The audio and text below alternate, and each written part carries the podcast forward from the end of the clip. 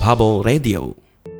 Assalamualaikum warahmatullahi wabarakatuh. Annyeong Ayuhanas Ya hari ini insya Allah kita akan lanjutin ya obrolan kita yang kemarin. Kemarin kita kan bahas tentang mengganti informasi. Gimana teman-teman? Udah mulai uh, membiasakan diri ganti informasi belum?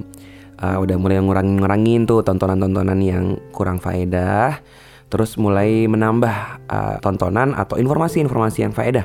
Termasuk uh, informasi itu adalah lingkungan ya Jadi harus mulai tuh disortir temen-temennya, lingkungannya, tempat kerjanya, uh, komunitasnya gitu.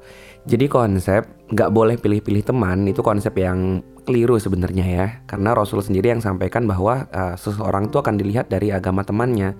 Jadi kalau kita sering berteman dengan orang-orang yang jauh dari agama, bukan otomatis kita jadi rusak ya, tapi akan berpeluang untuk ikut rusak agamanya karena tiap hari kumpul sama orang-orang yang demikian. Kan kita udah bahas kemarin pengaruh informasi itu besar banget. Dan itu kayak kita satu bus dengan orang yang salah di mana kita nggak akan pernah nginget tujuan hidup kita karena semua orang yang di situ nggak pernah ada yang ngomongin tujuan hidup mereka gitu. Jadi ingat ya teman-teman harus ganti lingkungan. Jadi mulai sekarang milih-milih teman ya. Nggak usah gak enakan karena nggak enakan itu hanya kepada Allah subhanahu wa taala ya. Kalau kita nggak enakan sama teman ya berteman itu yang happy sekarang kok teman-teman. Besok-besok kalau sudah mulai muncul masalah, kalau sudah mulai muncul perkara, teman itu akan jadi musuh yang luar biasa. Tapi kita akan selama-lamanya kan sama Allah, makanya jangan bikin jangan bikin Allah kesal jangan sampai bikin Allah marah gitu. Ya pokoknya kita tuh kalau mau nggak enakan nggak enakannya sama Allah gitu. Jangan sama teman ya. Jadi pilihlah teman yang soleh karena teman yang soleh itu long lasting ya. Dia nggak akan cuma sampai di dunia tapi juga sampai di akhirat insya Allah. Bahkan teman yang soleh itu akan nyari kita besok di akhirat tuh. Kan keren kan? Karena kita tahu bahwa ibadah kita itu belum tentu bagus ibadah kita belum tentu sempurna mungkin saja nauzubillah min zalik ya kita nanti besok nggak selamat di akhirat. Nah ada teman-teman kita yang jadi saksi. Ya Allah dulu dia pernah belajar bareng gue nih. Ya Allah dulu dia pernah apa namanya uh, nuntut ilmu. Dulu pernah bersusah-susah hijrah bareng gue nih. Mau dong tolong dong di dibawa ke surga gitu. Jadi teman yang baik itu teman yang soleh bisa ngajak kita ke surga. Sementara teman-teman yang ngajak kita maksiat yang selalu menggoda kita dengan kemaksiatan itu ngeri banget karena dia akan nyari kita besok. Dia akan bilang Ya Allah kok gue masuk neraka sendirian? Perasaan si A juga kemarin itu ikut nonton yang begituan. Kemarin si B juga ikut uh, berbuat yang demikian. Jadi dia akan malah menuntut Allah untuk jangan dia sendirian. Nah karena kan udah kelihatan kan sifat-sifatnya kalau sekarang. Coba deh teman-teman kita yang memang masih tenggelam dalam kemaksiatan. Pasti dia tuh nggak mau sendirian. Kalimatnya kan selalu begini kan Kenapa sih kita mulu yang dibahas? Itu kan juga, itu kan juga. Nah gitu, jadi gak pernah mau sendirian salahnya, maunya ngajak-ngajak. Nah besok kalau kita temenan sama orang-orang seperti ini, di akhirat dia bakal juga gak mau sendirian, akan ngajak-ngajak. Dia akan nuntut ke Allah, ya Allah tuh mana tuh, itu juga kemarin tuh, gue saksinya, dia juga kemarin tuh. Ngeri kan, jadi bahaya teman-teman. Makanya pilih lingkungan yang baik supaya informasi kita jadi baik juga. Hari ini kita akan bahas tentang poin yang berikutnya lagi tentang tips hijrah juga, tapi ini agak agak mungkin asing di telinga teman-teman sekalian. Kalau mau nanti memperdalam, silahkan menuju kepada ustadz-ustadz yang lebih senior, ustadz-ustadz yang lebih paham, fakih dalam masalah agama. Gue cuma share sebatas yang gue pahami tentang konsep ini. Konsep apa namanya dalam Islam? Kenalkan, namanya adalah al-wala wal bara. Gue ulangin ya, al-wala wal bara. Jadi ada dua, ada dua tuh ya, al-wala dan al-bara. Al-Wala dan Al-Baro. Kita ulangin bareng-bareng. Al-Wala dan Al-Baro. Katakan sekali lagi. Iya, lebih keras. Udah kayak Dora the Explorer ya. Itu bolang versi luar negeri. Ini mereka punya Dora, kita punya bolang gitu. Wal-wala wal-baro. Nah, apa sih al-wala al-baro? Dari kata dasarnya aja kita bisa tahu al-wala itu adalah tentang pembelaan. Jadi al-wala artinya tuh mencintai, membela, dekat. Jadi ini uh, konotasinya tuh positif ya, al-wala. Kita membela, kita mencintai, kita dekat dengan sesuatu. Al-bara itu sebaliknya, kita menjauhkan diri dari sesuatu, berlepas diri dari sesuatu. Ya, jadi ada al-wala, al-bara. Seremnya, ternyata setelah gue pelajari, al-wala dan al-bara ini masuk dalam bab akidah. Jadi nggak bercanda ya ini, kalau ngomongin bab syariat, mungkin kita masih bisa tergolong orang yang berdosa. Tapi kalau ngomongin soal akidah itu ngeri banget loh teman-teman konsekuensinya karena akidah itu yang membedakan kita ini muslim atau kafir. Jadi hati-hati dengan bab akidah. Bab akidah tuh pelajari betul, dalamin betul karena itu itu yang membedakan kita dengan agama lain. Bahwa ini kita tuh masih muslim nggak sih? Kita tuh masih Islam nggak? Yang membedakan kan bukan KTP-nya tentunya ya teman-teman tahu sendiri. Bahwa KTP nggak berlaku kan di akhirat. Nggak mungkin kan terus malaikat mintain KTP kita oh kamu muslim lewat silakan. No nggak seperti itu. Jadi akidah itulah yang akan membedakan kita. Kita ini muslim atau bukan? Kita ini Islam mukmin atau bukan? Nah hari ini kita akan bahas salah satu bab akidah yaitu al-wala wal bara Al-wala itu adalah mencintai orang-orang yang beriman karena keimanan mereka. Jadi kalau ada orang bersyahadat asyhadu alla ilaha illallah wa asyhadu anna muhammadar rasulullah, dia beriman. Nah, kalau sudah beriman, berarti itu saudara kita. Kalau sudah saudara kita, berarti kita harus al-wala. Al-wala ini ada yang tingkatnya tinggi banget. Misalkan Rasulullah, para sahabat, para ulama. Nah itu al-wala kita kepada mereka, kepada beliau-beliau ini harus tinggi banget. Kita harus mencintai mereka. Kita harus membela mereka, kita tolong mereka kalau butuh bantuan dan sebagainya. Kalau dalam konteks uh, nabi berarti kita tolong nabi untuk menyebarkan agama Islam lebih luas lagi gitu. Jadi kita mencintai.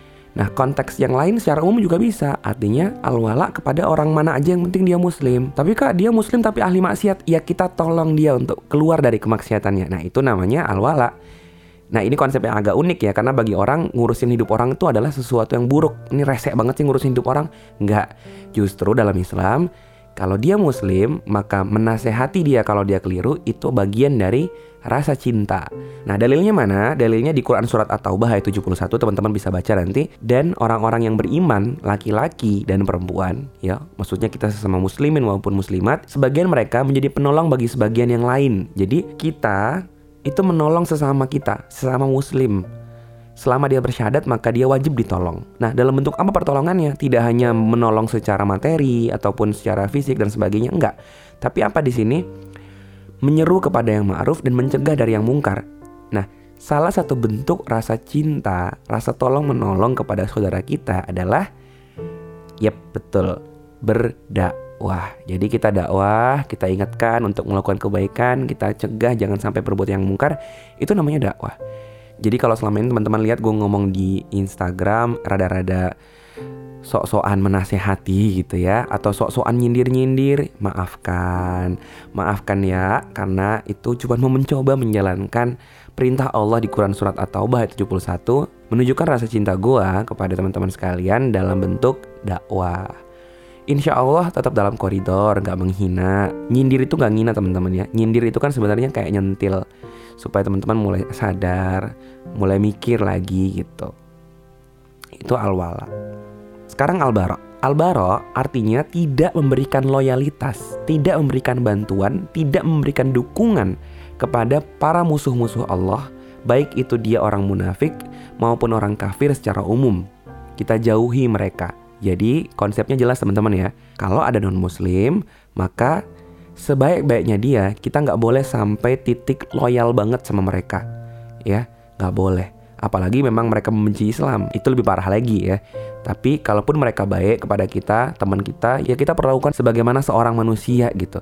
Nggak perlu sampai loyalnya tinggi banget nggak perlu sampai menjadikan orang kepercayaan karena di sini Allah sampaikan Quran surat Al-Mujadilah ayat 22 kamu tidak akan mendapati kaum yang beriman pada Allah dan hari akhirat. Artinya, lu nggak bakal ketemu ada orang beriman saling berkasih sayang dengan orang-orang yang menentang Allah dan Rasulnya. Ulangin ya, nggak bakal namanya orang beriman terus dia saling berkasih sayang dengan orang-orang yang menentang Allah dan Rasulnya nggak ngaku kalau ini Allah itu Tuhannya berarti kan orang kafir sekalipun itu bapaknya sendiri sekalipun itu anaknya sendiri sekalipun itu saudaranya sendiri atau keluarga-keluarga lainnya itu ayatnya ayatnya bunyinya kayak begitu.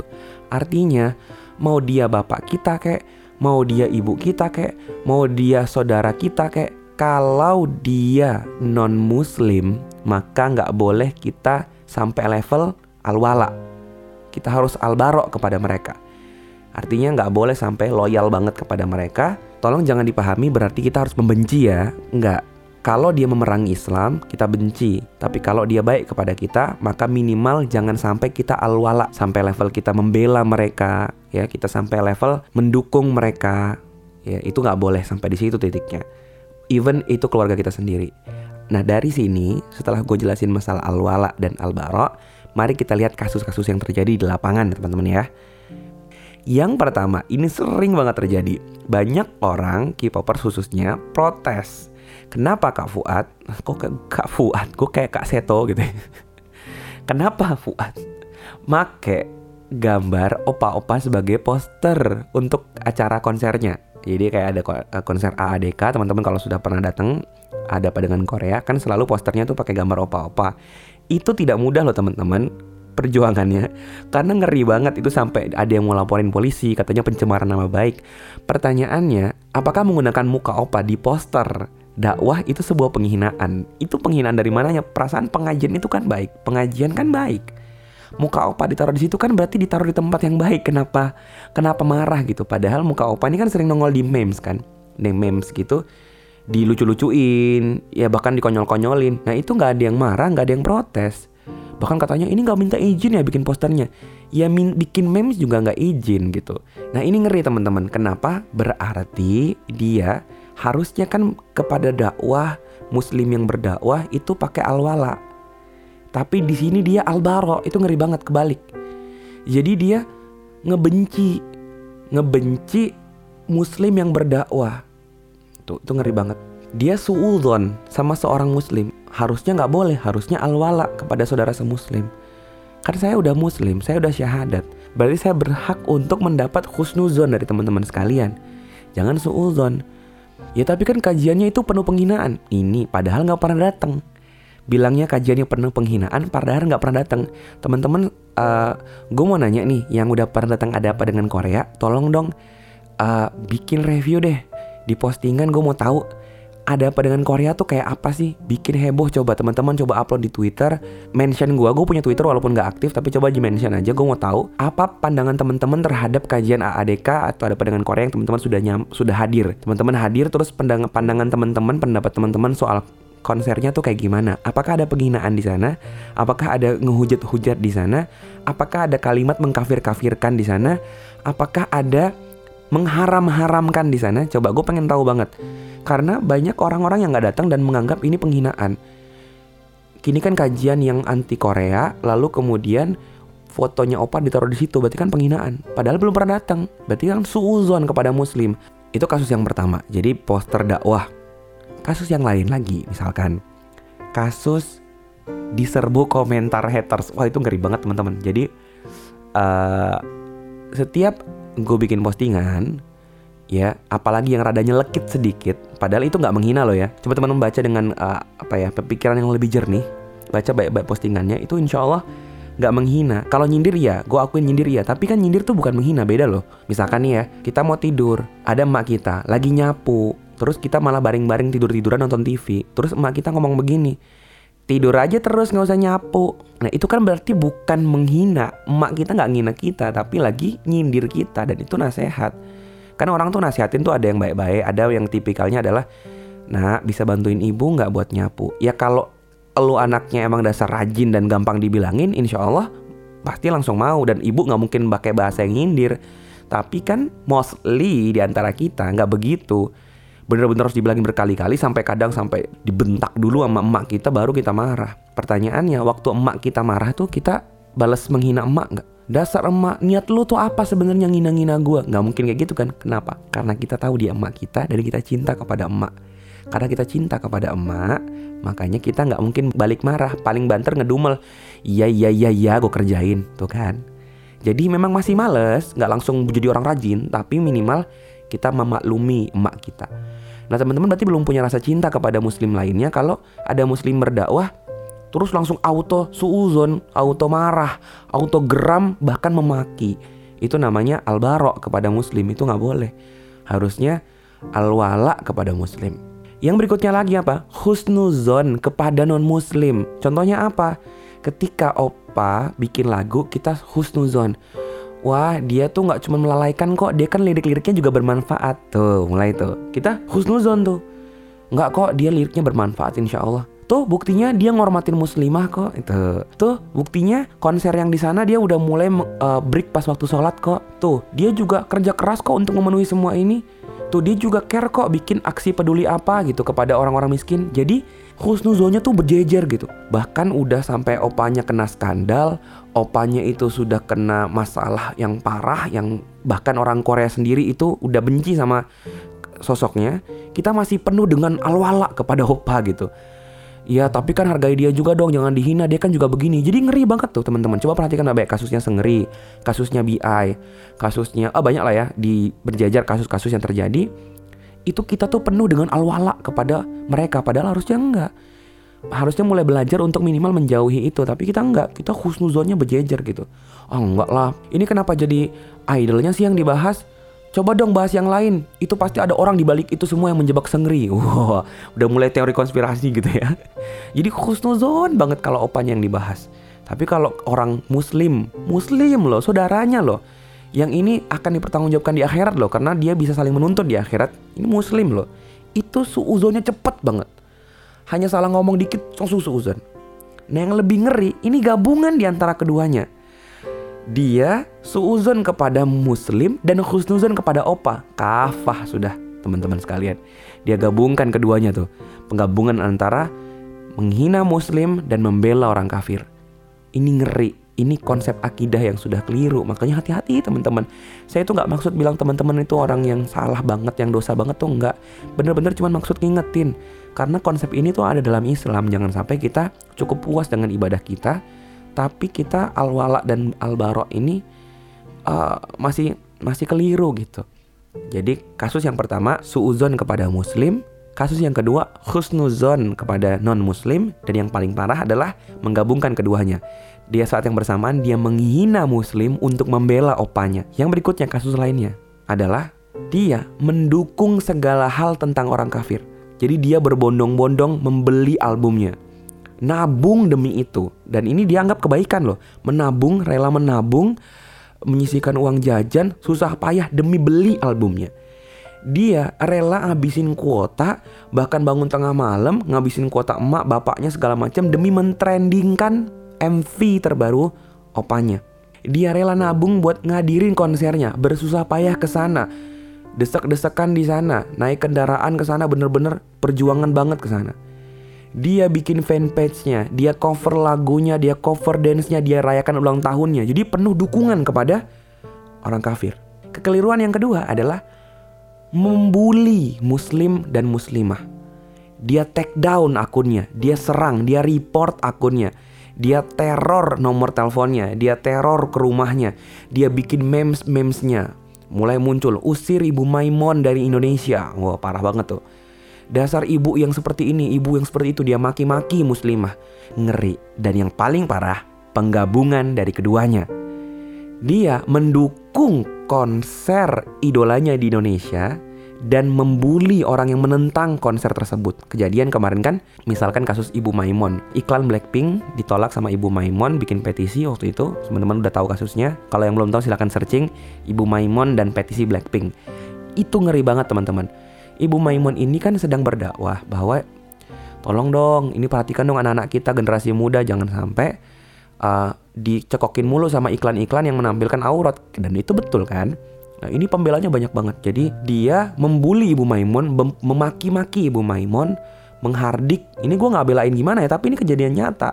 Dan itu miris teman-teman sampai keluar kata-kata binatang, kata-kata kemaluan segala macam keluar disandingkan dengan nama ibu seorang muslimah. Jadi ngeri banget tuh. Disandingkan itu lalu untuk apa? Untuk membela agar idolanya, which is itu adalah orang kafir, untuk tetap bisa eksis di sini. Untuk bisa eksis di iklan, bisa tetap muncul di iklan TV, tetap bisa konser di Indonesia dan sebagainya. Alwala dan baro, albaro yang ketukar. Nah itu yang terjadi. Nah gue sendiri udah mulai praktekin belum alwala albaro? Ya alhamdulillah sedang berusaha. Apa yang gue lakukan? Yang pertama, gue ngakuin teman-teman bahwa lagu K-pop tuh bagus. Gue akuin. Gue akuin bahwa eksekusi mereka dalam membuat MV itu keren. Bahkan gue selalu bilang, Korean drama itu adalah film yang dibikin jadi sinetron. Bukan sinetron ya, film yang dibikin jadi sinetron. Artinya apa? Eksekusinya tuh bagus banget kayak film, tapi lebih kerennya lagi, ini nggak cukup satu film, mereka bikin berseri jadi 12 sampai 14 episode yang artinya sekualitas 12 film. Keren banget itu. Dan mereka kreatif, mereka pintar. Gue bahkan selalu bilang di konser, opa-opa tuh keren. Ya opa tuh keren. Coba deh perhatikan teman-teman. Opa-opa tuh pinter nggak? pinter mereka tuh bahkan bisa ikut kayak tes IQ dan IQ-nya tinggi-tinggi mereka itu seksi nggak? Mereka itu atletis. Iya keren banget bodinya keren. Bahkan mereka punya championship sendiri. Jadi kayak cabang olahraga untuk mereka sendiri itu pertandingan olahraga. Berarti kan mereka kuat-kuat. Ototnya kuat tuh berarti kan tenaganya. Otaknya bagus tenaganya bagus. Mereka kreatif. Mereka juga lucu orangnya. Pinter ngedance pinter nyanyi nggak lip sync tuh keren banget. Banyaklah prestasinya ya. Intinya mereka tuh punya banyak hal-hal positif.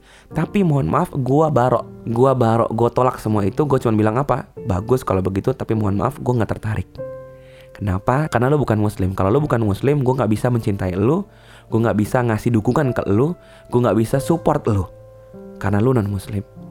Mohon maaf, tapi gue akui lo bagus. Gue nggak akan menghina lo karena memang lo bagus. Tapi gue mohon maaf nggak bisa support lo. Gue nggak bakal beri dukungan kepada lo. Gue nggak akan uh, beli album lo. Gue nggak akan bakal uh, mentrendingkan lo. Mohon maaf banget. Kenapa? Karena lo orang kafir. Sederhana kan? Ini bukan membenci gue nggak benci. Gue nggak benci gue bahkan puji mereka tapi mohon maaf gue nggak bisa menyukai mereka. Gue harus hilangkan rasa itu kalaupun masih ada. Kenapa? Karena mereka orang kafir. Nah contoh lainnya lagi apa? Haters. Itu kan ngeri. Gue pernah nyoba-nyoba baca di sebuah sore baca-baca komentar-komentar mereka di Twitter dan mendadak sore gue jadi berantakan gitu. mendadak sore itu menjadi kelam ya, kayak ada Voldemort mau keluar langit gelap gitu. jadi ngeri banget saking saking parah kata-katanya itu kasar banget gitu. Nah tapi ya udah. Kenapa? Karena gue khusnuzon bahwa mungkin di antara mereka itu muslimah.